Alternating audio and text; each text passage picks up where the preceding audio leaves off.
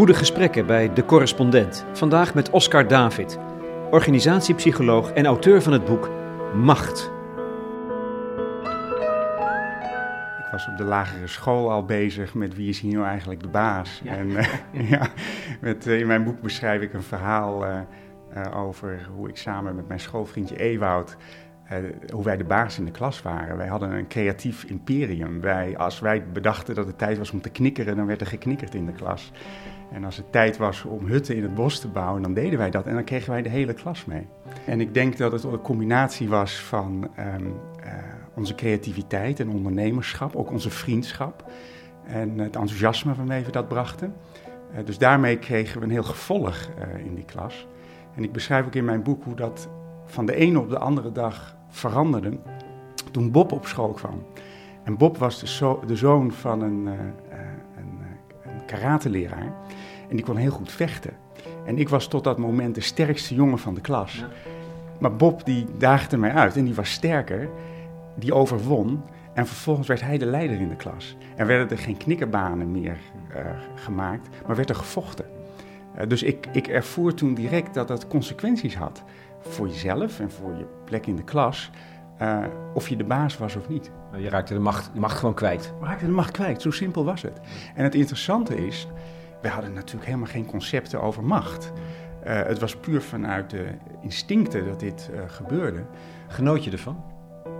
To- toen je het nog had, zeg maar, samen met Ewoud. Ja, ik genoot ervan. Ik wist ook niet beter. Eh, en pas toen ik het kwijtraakte, toen wist ik wat ik verloren had. En dit is natuurlijk vaak wat je bij leiders ook ziet. Macht wendt.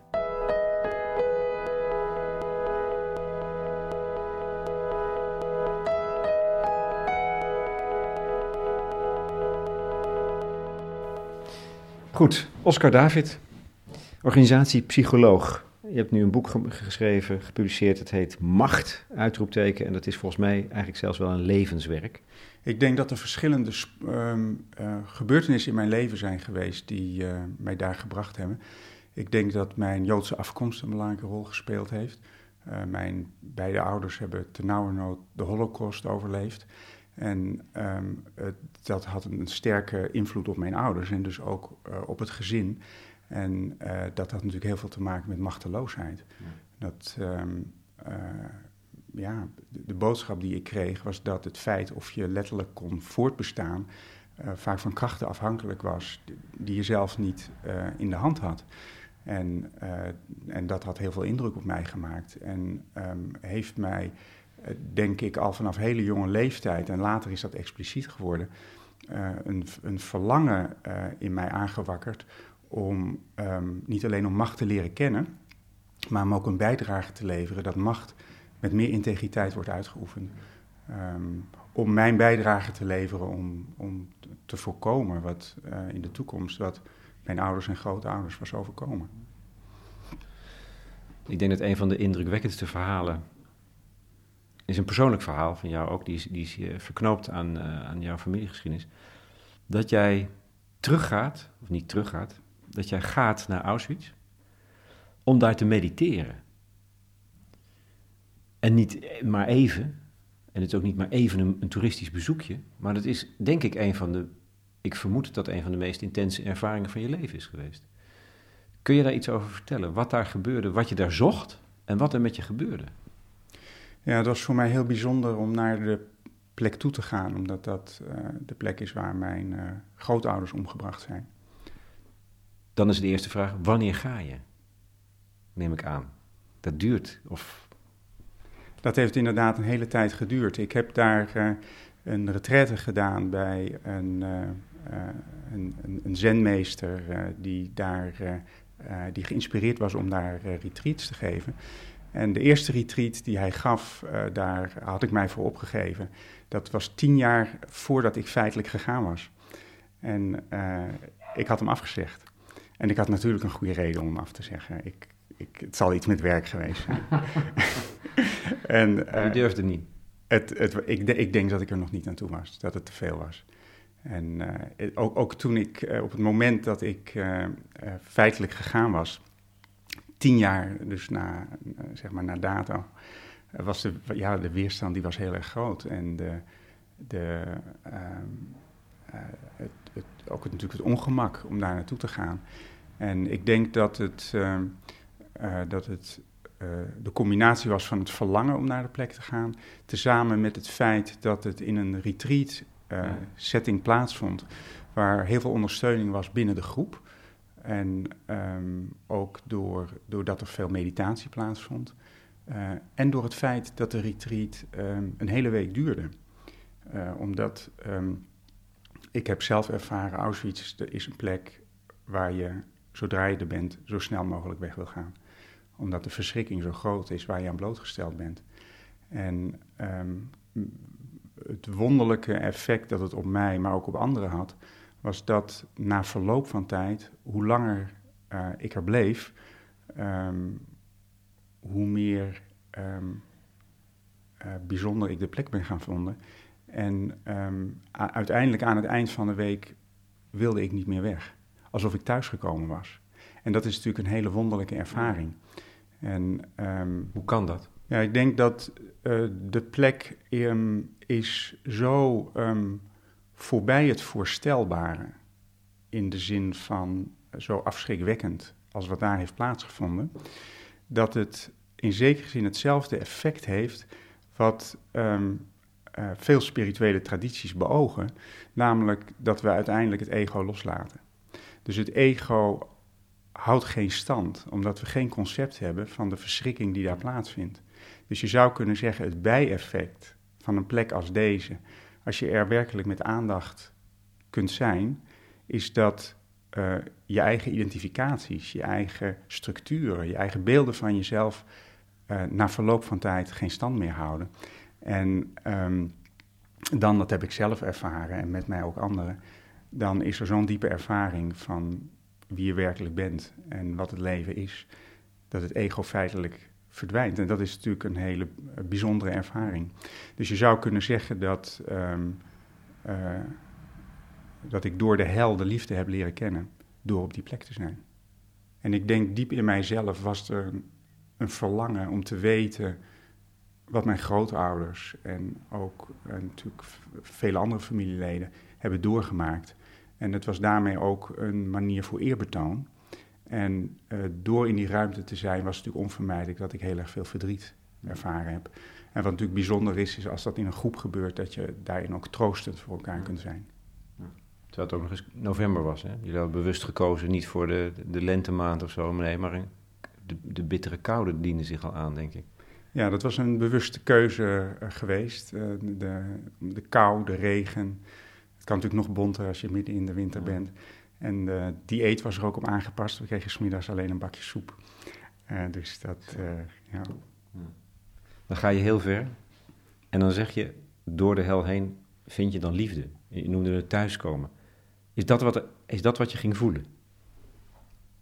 Ja, ik denk dat ik een, een diepe verbinding voelde met de doden, met iedereen die omgekomen was. Maar ook met um, de vrede die gepaard gaat met de dood. En dat is, daarvoor hoef je gelukkig niet naar Auschwitz te gaan. Dat is natuurlijk een ervaring die uh, veel mensen hebben bij een moment van overlijden. Of mensen die een bijna doodervaring gehad hebben. Um, maar je ziet het ook bij mensen. Ik, ik haal in mijn boek het onderzoek uh, van Kubler-Ross aan, heel bekend oud onderzoek uit de jaren zeventig. Waarin zij onderzoek gedaan heeft naar mensen die een levensbedreigende ziekte hadden. Dat was in die tijd vooral kanker en die het overleefd hebben. En zij ontdekten dat die mensen zeiden: Dit was de zwaarste periode in mijn leven, maar ook de rijkste. Want ik heb, ik heb ervaren wat de werkelijke betekenis van het leven was. En dat is ook het potentieel van een plek als Auschwitz. Want alles valt van ons af.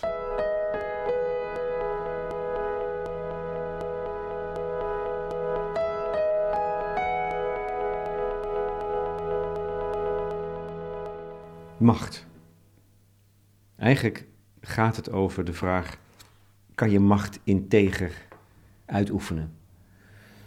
En je antwoord is ja, uh, dat is mogelijk. Het is misschien goed om eerst even te benoemen wat de drie typen macht zijn die je onderscheidt. Ik onderscheid drie typen van macht: macht 1.0, macht 2.0 en macht 3.0. Macht 1.0 is de survival of the fittest, of het recht van de sterkste. Heeft veel met onze instincten te maken. Het is het vermogen wat ik beschreef, het verhaal van Ewout, mij en Bob op de lagere school. Iemand wil altijd de baas zijn. Iemand wil altijd de baas zijn. En daar hebben we ons lichaam voor, onze fysieke kracht, maar ook onze slimme kracht om, uh, om te domineren. En dat is nodig. Dat is nodig voor iedere vorm van machtsuitoefening. Alleen we kennen natuurlijk allerlei voorbeelden waarin dat ongelooflijk uit de hand loopt. Dus het kan zich ten goede keren en het kan zich ten kwade keren. En we hebben in de loop der tijden hebben we manieren gevonden om te voorkomen dat het macht 1.0 zich ten kwade keert. En dat is wat ik noem macht 2.0, de checks en balances. Zijn is het vermogen wat we hebben door middel van regelgeving en controle uh, om de uitwassen van macht 1.0 uh, zoveel mogelijk te beperken. Nou, een van de dingen die we leren, die we inmiddels weten, je kan nog zulke goede regelgeving hebben bij macht 2.0, het loopt toch uit de hand. Waarom? Ik denk dat is de menselijke aard. Dat is die macht 1.0. We kunnen ons niet beheersen. Dus uh, uiteindelijk, om tot een goede manier van machtsuitoefening te komen, is het van belang dat we ook macht 3.0 ontwikkelen. En dat is de integriteit van de macht. En integriteit betekent dat je macht uitoefent om iets te dienen wat groter is dan jezelf. Dat je uh, leiding geeft of macht uitoefent vanuit diepere waarden die uh, in het belang zijn van um, de organisatie of iets anders wat je dient. En er is een Amerikaanse adviseur die dat heel mooi beschrijft, Adam Kahane, die zegt we moeten onderscheid maken tussen uh, power over en power to. Dus de power over is, is de macht voor je eigen vervulling, voor je eigen bevrediging. De power to, dat is de macht om iets tot stand te brengen. Wat verder gaat dan jezelf. En in, in wezen sta je in dienst daarvan. Nou, dat is heel nauw verwant met wat wij noemen verantwoordelijkheid. Je neemt verantwoordelijkheid en vanuit die verantwoordelijkheid uh, oefen je de macht uit. Uh, zo goed mogelijk uh, als je kan. Hoe zeldzaam is het? Kijk, jij komt in de, uh, bij de, tops, de toppen van het bedrijfsleven en ministeries, grote organisaties. Ja, die integere machtsuitoefening is heel ingewikkeld. Er zijn veel mensen die er naar streven. Het is heel moeilijk om het te realiseren. Dat heeft niet te maken dat mensen kwaadaardig zijn. Dat heeft te maken met de invloed van context, van de omgeving. Dus je moet je voorstellen, als je op een toppositie zit in een organisatie, is er voortdurend, uh, sta je onder voortdurende druk. Tijdsdruk, psychologische druk. Maar er wordt ook eigenlijk altijd aan je, aan de, aan je poten van je stoel gezaagd. Is dat, is dat echt zo? Ja? Altijd? Altijd. Omdat de druk, er is, er is, je moet je voorstellen dat je, um, uh, dat je topsport doet. Dat je altijd een wedstrijd speelt. Je zit, je zit altijd midden in die wedstrijd. En in die wedstrijd moet gescoord worden. Nou kan je scoren, proberen te scoren volgens de spelregels. Maar kijk maar naar voetbal. Soms wordt er ook gescoord waarin de randen van de spelregels worden opgezocht. Een ander probleem wat speelt op het moment dat je, um, uh, dat je in het centrum van de macht staat. En daar uh, besteed ik uitgebreid aandacht in mijn boek aan, te meer omdat er tegenwoordig veel kennis over is. Macht is verslavend. En vroeger dachten we dat macht vooral psychologisch verslavend was. En vanuit de psychoanalyse is er veel kennis over narcisme. Dus dat de persoonlijkheid wil graag waardering, wil graag macht. En die bevestiging willen we graag behouden. Want als we die kwijtraken, dan voelen we ons leeg en minder waardevol. Maar tegenwoordig weten we, mede door de kennis vanuit de biochemie, dat het ook fysiek verslavend is. Bij machtsuitoefening komen uh, neurotransmitters en hormonen vrij. Uh, adrenaline, uh, dopamine, cortisol. Die zijn allemaal verslavend. Dus de drive om die macht te behouden is zo enorm groot. En gaat dan feitelijk om onze eigen positie. En daarmee kunnen we macht 3.0, de integriteit van de macht, snel kwijtraken.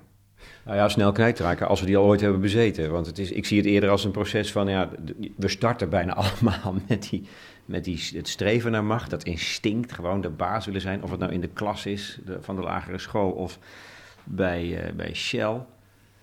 Dat levert dan toch het beeld op van die, van die jongens, mannen vooral, die eerst en vooral met zichzelf bezig zijn en met elkaar. Maar ergens heb ik dan toch ook altijd de hoop dat dat, dat, dat maar een, voor een deel de waarheid is. Maar dat is dus niet zo. Dat is, het is gewoon waar. Ja, mijn ervaring is het is een mengvorm. Dus er zijn ook mensen die op posities van macht komen omdat ze echt verantwoordelijkheid willen dragen, een bijdrage aan de samenleving willen geven. Of mensen komen op plekken van macht omdat ze gewoon heel erg goed zijn in wat ze doen. wat je ziet, en dat is denk ik een belangrijke boodschap van het boek, dat zelfs de mensen die vanuit die puurheid op die plekken van macht komen, uh, dat het voor hen, ook voor hen, heel lastig is om dat te behouden. Door die complexe dynamiek waar ze in zitten, door de verslavingsmechanismes uh, die spelen. Dus uiteindelijk, um, het makkelijke antwoord zou zijn om te zeggen: kunnen we macht niet afschaffen? Kunnen we niet mensen in machtsposities afschaffen? Uh, maar dat is de kind met het badwater weggooien. We hebben macht nodig. Macht heeft een hele belangrijke functie in de samenleving. Het helpt ons om dingen te ordenen en dingen gedaan te krijgen. Dus wat het vraagt is uh, zeg maar de remedie tegen de ontsporingen uh, als het gaat om machtsuitoefening, is bewustzijn en zelfreflectie. Ja. Het gaat erom dat we leren over macht, dat we macht leren begrijpen. Op school leren we allerlei vakken. Ik heb allerlei vakken op school geleerd. Ik heb geen vak gehad wat ging over macht. Hoe kan je integer met macht omgaan? En hoe kan je zorgen dat je wel macht verwerft, omdat het belangrijk is? En we zien helaas dat er heel veel mensen zich van macht afkeren, omdat ze heel begrijpelijkerwijs de keerzijde ervan gezien hebben. Maar daarmee ontnemen ze niet alleen zichzelf, maar ook onze samenleving mogelijk hele goede leiders die een hele belangrijke bijdrage kunnen leveren. Ja. Je, zei, je zegt ergens, voor, voor macht eh, is, bestaat geen diploma. Hmm. Voor macht bestaat geen diploma. Het is, uh, uh, ik vergelijk het wel eens met, um, uh, met seks en liefde. dat is ook ons gegeven.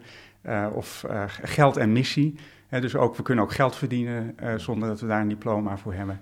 um, uh, we kunnen kinderen op de wereld zetten zonder diploma.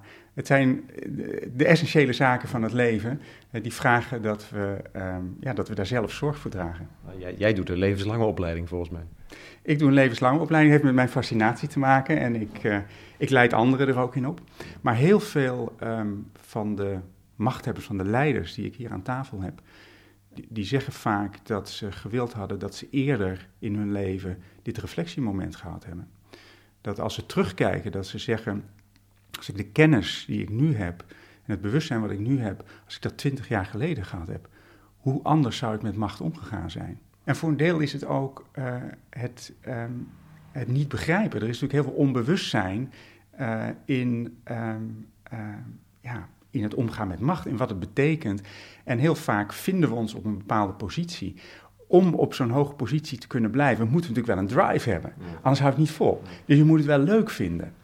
Um, maar uh, om daar vervolgens uh, de weg van zuiverheid in te vinden, ja, dat is ongelooflijk ingewikkeld. Te meer omdat het een thema is waar we niet makkelijk met elkaar over praten.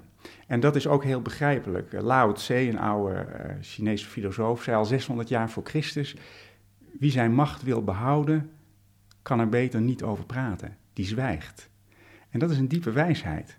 Want op het moment dat wij praten over hoe de macht um, verdeeld is en hoe we die beleven, heeft het een nivellerend effect. Het democratiseert op het moment dat we erover praten. Dus een verstandige leider, die praat niet over macht. En je ziet dat ook op organisatieniveau. Een van de machtigste organisaties ter wereld zijn nog steeds de oliemaatschappijen. Als de president-directeur van eh, Shell naar Saoedi-Arabië gaat, dan uh, wordt hij daar als een koning ontvangen. de invloed van, uh, zeg maar van deze ondernemingen is enorm. Maar een van de redenen waarom uh, grote ondernemingen zoveel macht hebben, is dat ze het in stilte uitoefenen. als er een democratie zou zijn, als, als de pers iedere dag daar een kijkje kon nemen en een persconferentie zou houden, ja, dan, dan, dan, dan zouden we een andere perceptie over de macht hebben. Terwijl jij doet niets anders dan het bespreekbaar maken, expliciteren. En is het effect dan ook dat de, de, macht, de leiders, de machthebbers, iets inleveren van hun macht daarmee? Ja, leiders hebben een ongelooflijk dilemma als het om macht gaat. Omdat als het gaat om je machtspositie te behouden kan je er beter niet over praten, als strategie. Maar op het moment dat je vitaliteit en vertrouwen in je organisatie wil hebben, is het juist van belang om erover te praten. Om het vertrouwen te winnen. Dus leiders die schipperen altijd met het fenomeen. Tussen aan de ene kant zo sterk mogelijk in de wedstrijd willen staan. En aan de top van de organisatie zijn je tegenstanders vaak niet eens zozeer buiten, maar binnen de organisatie. Aan de andere kant, je wil het vertrouwen hebben en daarvoor is openheid juist nodig. Dus in mijn werk als adviseur is het vaak een zoekproces met de leiders hoe we daar de optimale balans in vinden. En de, de, uh, de meest krachtige leiders die ik ken, die zijn transparant over de macht en over hun strategie, terwijl ze ondertussen het spel wel doorspelen. Ja, ja. Wat is de functie van het zwijgen? Ja, er zijn verschillende redenen voor. Ten eerste kan het voor de machthebber zelf oncomfortabel zijn, omdat iemand die op een bepaalde positie zit, wordt vanuit die positie een bepaalde hoeveelheid macht toegedicht. Um, ik ben leider, teamleider in een organisatie, daardoor heb ik een bepaalde macht. Op het moment dat ik over mijn macht ga praten en de perceptie van mijn macht, um, zal je vaak zien dat mensen mij of meer macht toedichten dan bij mijn functie hoort, of minder. Beide is niet comfortabel. Als mij meer macht wordt toegedicht, dan betekent het dat ik feitelijk wat van mijn macht af moet staan. Ik heb een grote mond. Op het moment dat mij minder macht wordt toegedicht dan bij de functie behoort, kan dat vragen oproepen of ik wel de juiste persoon op die plek ben. Dus het is een delicaat onderwerp uh, waar uh, ja, uh, waarvan we liever praten over de ander dan over onszelf. Dus dat is wat je altijd ziet bij macht. Overigens, dat is ook weer hetzelfde als als het gaat om geld en seks. Buiten de orde wordt er heel veel over gepraat. Gegniffeld. Ja. lacherig. Dus er worden natuurlijk heel veel grapjes gemaakt over uh, de directeur die doet alsof hij heel belangrijk is, maar feitelijk is hij dat niet. Want het is eigenlijk een beetje een, een, een, een slappeling. En dus buiten de orde wordt er over gepraat. dat is toch fascinerend, Oscar dat het, macht speelt ongelooflijk eh, belangrijke rol in ons leven. En niet alleen in die bedrijven, maar ook in persoonlijke verhoudingen. Ook nu, tussen jou en mij. Al is het maar doordat ik een microfoon heb en ik beweeg die microfoon. Dat is al van die... Er zijn talloze dingen waarin het uit. Liefdesrelaties, uh, ouders, kinderen, lagers, nou ja, overal. We hebben het er nooit over. Maar ja, als de ander er niet bij is, dan gaan we erover grappen maken. Maar het is in het belang van die leiders. Maar het is niet in het belang van degenen die minder macht hebben. Die zouden toch juist dat voortdurend willen of moeten uh, benoemen. Om het, om, het, om het, dat is toch juist hun belang. En nu zien we een ander fenomeen wat zich bij macht altijd voordoet. En dat is het fenomeen van de loyaliteit. Ja. Een van de redenen waarom minder machtigen vaak de machtsvraag niet ter discussie stellen, is omdat ze weten dat de meer machtige het niet op prijs stelt. En we hebben daar bij Macht 2.0 hebben we daar oplossingen voor gevonden. We hebben ondernemingsraden in organisaties, we hebben vakbonden. Um, maar het blijft een delicaat probleem. En daar waar het niet via Macht 2.0, checks en balances geregeld is. en jij bent mijn baas, in dit geval heb jij inderdaad een microfoon. En ik, ik ga dat ter discussie stellen. Dan uh, um, kan dat consequenties hebben die voor mij onwenselijk zijn. Dus dat is altijd een delicaat zoekproces in hoeverre de minder machtige de machtsvraag aan de orde stelt. dat is wel geestig. Ik leid wel veel debatten ook. Uh, bij de interviews gebeurt het eigenlijk nooit meer, maar bij debatten. En je wil iemand het woord laten, is het eerste wat ze doen vaak de microfoon pakken. En dan zeg ik, nee, die is voor mij. Ja, dat, is, dat, is, dat zijn van die momentjes dat het er impliciet over gaat. En soms benoem ik het ook wel eens. Maar... Ja, dat is interessant. Dat macht is non-verbaal volstrekt leesbaar. Eh, dus een van de dingen die ik natuurlijk leiders ook leer, is om meer aandacht te hebben voor de non-verbale signalen. En dat komt omdat met name macht 1.0, uh, eh, de, uh, daar waar het om de instincten gaat, daar, daar hebben de, zeg maar de neocortex, de, de, de, rationele hersenen, die hebben daar geen invloed op. Dus dat, dat is in, in houding en gedrag is het direct zichtbaar. Ik haal een ander voorbeeld aan in mijn boek, een, de film The Great Dictator van Charlie Chaplin waarin je ziet hoe, uh, hoe eh, Hitler uh, Mussolini ontvangt in een, in een zaal die vele malen groter is dan mijn kantoor hier. Um, en Hitler zit aan de ene kant van de tafel en hij laat Mussolini aan de andere kant zitten, maar daar schijnt ook het zonlicht, die schijnt op het gezicht van Mussolini. Nou, op dat moment heeft Hitler de wedstrijd natuurlijk al lang gewonnen. dus je ziet hoe, hoe bepalend de context en de omgeving is als het om die machtsuitoefening gaat. En organisaties zitten bordenvol van dat soort symbolen, maar ook in ons dagelijks leven. wie gaat er waar aan tafel zitten? Ehm, wie neemt welk initiatief? Het zit er vol van.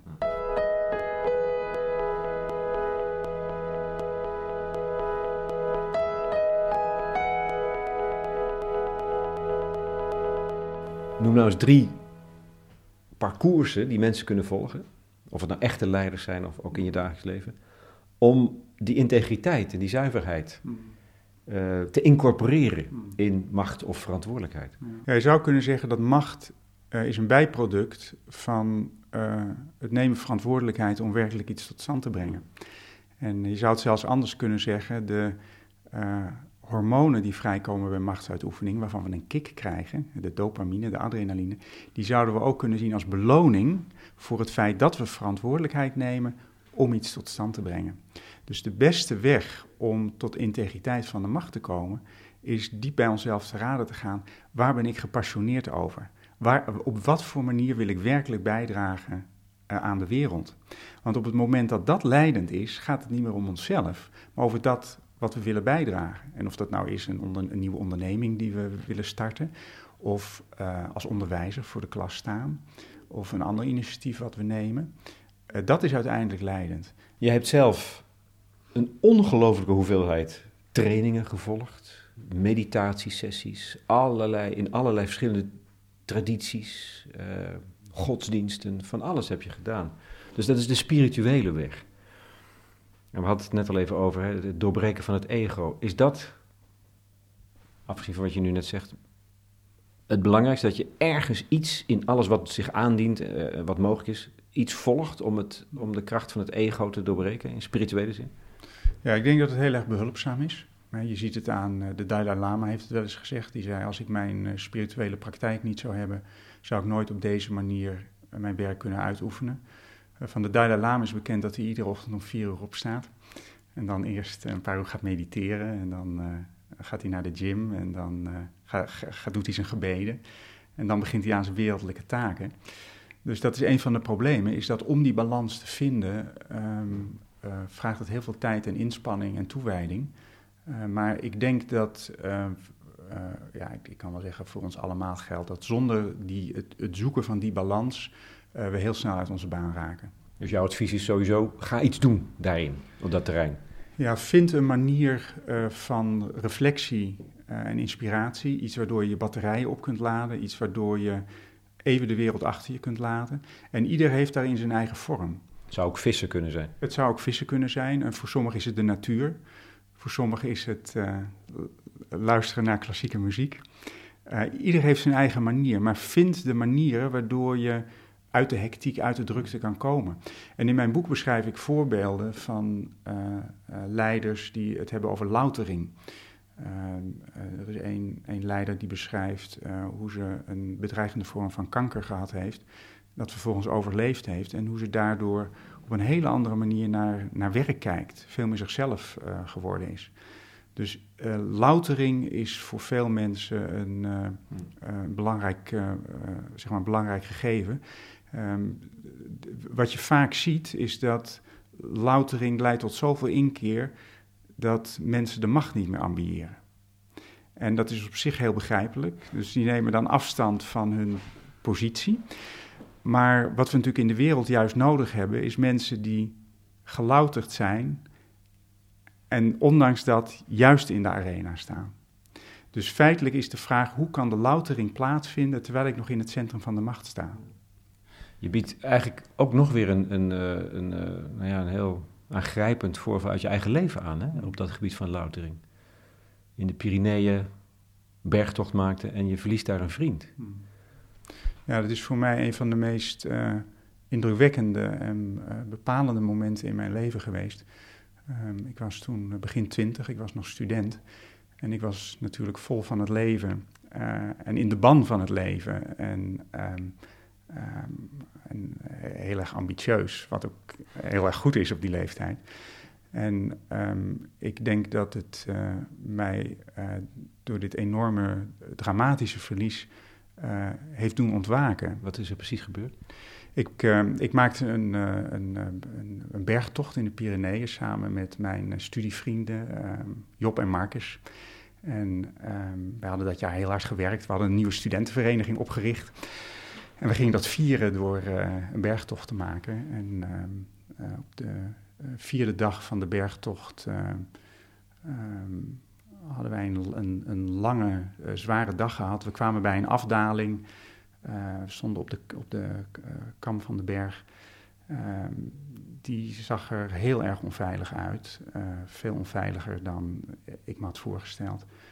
Ehm, dus ik, ik schrok, ik had grote aarzeling of de verstandig aan deden om naar beneden te gaan. Ik was de meest ervaren ehm, bergbeklimmer van ons drieën. Ehm, en op dat moment uh, stelde ik voor dat we even een klein stukje naar beneden gingen om te kijken hoe we het inschatten. Dus dat hadden we alle drie gedaan. Mijn inschatting was, toen ik dat gedaan had, dat, dat het kon. Was jij daar ook de leider op dat moment? Ik, ik had, we noemen dit mooi, in mijn boek noem ik dat de expertisemacht. We waren natuurlijk gelijk als vrienden, maar ik had meer expertise, ik had meer ervaring. Dus mijn stem was, uh, was heel bepalend in dat geheel. Ehm, dus als een van ons gezegd had, ik doe het niet, dan was het niet gebeurd. Maar het feit dat ik zei dat ik dacht dat het kon, was voor Job en Marcus heel erg overtuigend geweest. Um, ik, um, ik weet nog dat ik zei, in het ergste geval breek je hier een been. Uh, um, dat was natuurlijk achteraf gezien een ongelofelijke inschattingsfout. Op het moment dat we de afdaling maakten, brak er noodweer uit. Uh, dus de, de, het begon te stortregenen. Dus het werd in de bergen wordt het dan onmiddellijk spekglad. En um, uh, Job die liep voorop en die gleed uit. En ja, zoals dat in de bergen gaat, één verkeerde stap, dat, uh, dat kan je dood betekenen. En in dit geval was dat ook zo. Hij, uh, uh, op het moment dat ik nu over praat, zie ik het weer voor me. Die, die beelden die blijven je leven lang op je netvlies gegrift. Hij viel, hij gleed uit, hij viel, hij rolde en kwam uiteindelijk een paar honderd meter beneden terecht. En heeft in één keer de klap niet overleefd. Dus Marcus en ik die zijn toen um, um, naar hem toe gelopen, wat natuurlijk een heel, uh, uh, ja, een heel uh, zware afdaling was. We hebben de rugzakken hebben we zelf naar beneden gegooid of laten staan. En we troffen hem daar levenloos aan. Dus dat was een, een buitengewoon schokkende ervaring, die mijn leven in één keer veranderd heeft. In welke zin? Je noemt het ook een ontwaken. Ja, ik denk dat er op een heleboel niveaus zaken gebeurden. Um, om te beginnen was mijn jeugd in één keer voorbij. Want ik zag nu wat leven en dood kon betekenen. En um, ik, uh, ik was zo verdrietig van wat er gebeurd was, dat uh, ik had daar hulp bij nodig. En de, mijn toenmalige schoonmoeder die kwam met een artikel aanzetten uh, toen ik uh, terugkwam. Het was geschreven door psychiater Frank van Ree. En uh, hij beschreef daar een ongeluk zoals ik had meegemaakt. En ik was daar zo door geraakt, want dat was de eerste keer dat ik van iemand iets las die net zoiets was meegemaakt dan ik. Dus ik, ik was daar zo door geraakt, ik schreef hem een brief dat ik ook zoiets had meegemaakt. En een dag later kreeg ik een brief van hem terug van hij was ook heel geraakt dat, eh, dat mij dit was overkomen. En een week later zat ik bij hem en het was op dat moment, sprak ik een lotgenoot, zo zouden we dat tegenwoordig noemen. Dus het was een bijzondere ontmoeting. En daarna dacht ik, toen ik weer thuis was, dacht ik, maar deze man is ook psychiater. Dus die kan mij vast ook helpen met alles wat ik nu in mijzelf tegenkom, nadat dit gebeurd is. Dus ik heb een aantal gesprekken met hem gevoerd. Maar ook daarna was die zoektocht naar wie, wie ben ik dan eigenlijk? Wat, wat betekent het leven dan eigenlijk? Als dit soort dingen kunnen gebeuren. Ik wilde het begrijpen. En dat heeft, tot mijn, uh, heeft, heeft mede bijgedragen tot mijn ongelofelijke interesse in alles op het gebied van psychologie en spiritualiteit. Ik ben toen meditatiegroepen gaan doen. Ik ben allerlei vormen van psychotherapie gaan doen. Dus het heeft de, eh, de zoektocht naar het antwoord op de vraag wie ik ben en, en hoe de wereld in elkaar zit, heeft het uh, enorm versneld. En ook het verlangen om, uh, ja, om een waarachtig, zo waarachtig mogelijk uh, leven te leiden. dat, ik denk dat dat überhaupt het fascinerende is van het leven op aarde, dat we iedere dag kunnen leren. Dat is toch ongelooflijk. We kunnen altijd meer inzichten opdoen. En we hebben het vermogen om erover te reflecteren. Dat is uniek. We kennen geen andere diersoort die dat vermogen heeft. Dus dat leren, dat ontwikkelen is denk ik een van de meest uh, uh, bijzondere mogelijkheden die ons als, als mens geboden wordt. Loutering, nou ja, de, grote drama's van het leven kunnen ertoe leiden. tot die integriteit, hè? integere manier van uh, machtsuitoefening, of de spirituele weg. Je hebt nog een derde, dat is inzicht, uh, begrijpen, analyseren. Uh, een van de instrumenten die, die jij daarvoor heel graag hanteert, volgens mij, is, is de typologie van het enneagram. Nou, je hebt talloze manieren om mensen in te delen of te begrijpen. Maar jij, jij hebt een voorkeur voor het enneagram. Waar, waar, waar komt die voorkeur vandaan? Waarom vind jij dat nou het mooiste systeem? Nou, het was een van de eerste modellen waarin ik echt mijzelf herkende. Ik had bij veel modellen was het een beetje een construct en uh, hier uh, herkende ik mijn eigen typologie in terug. Maar het gaat eigenlijk... Wat, wat ben je? Ik herken mijzelf het meest als type 3. Type 3 is de scoorde. En uh, het is het type wat um, gedreven is door succes en het falen vermijdt. En dat, is direct, dat laat direct zo mooi zien waar het enneagram over gaat. Feitelijk beschrijft het enneagram verslavingen. Het zijn psychologische verslavingen. En dat maakt het zo boeiend. Uh, je zou kunnen zeggen, de persoonlijkheidsstructuur die is gebouwd op een, in het mooiste gezegd zou je zeggen fascinatie, maar feitelijk is het een verslaving.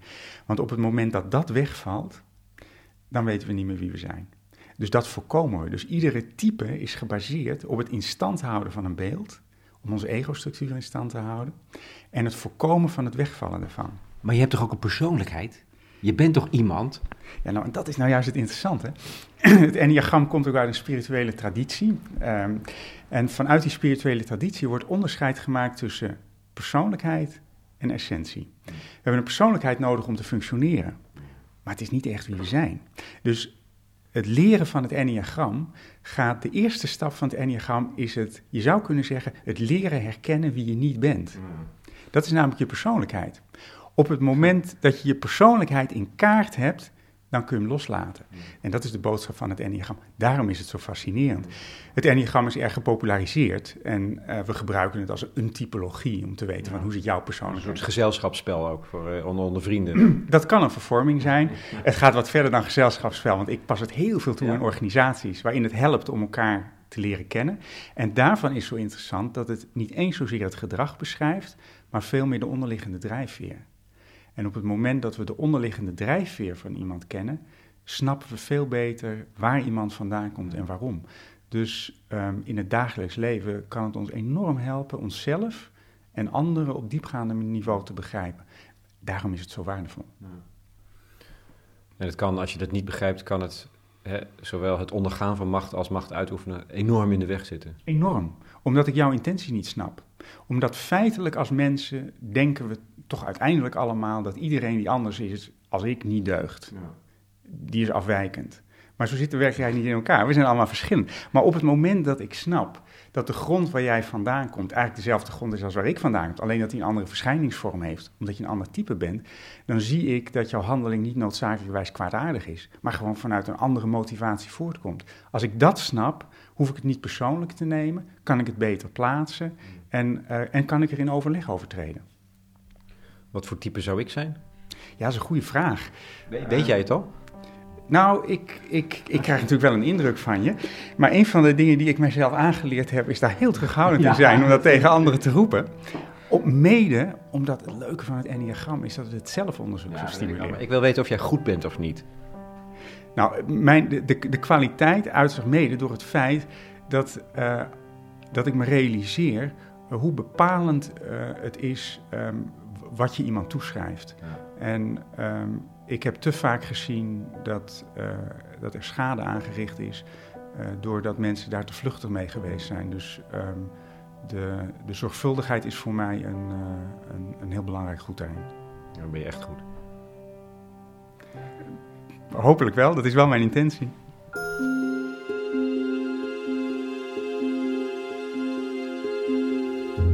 Oscar David, handelaar in toegepaste wijsheid.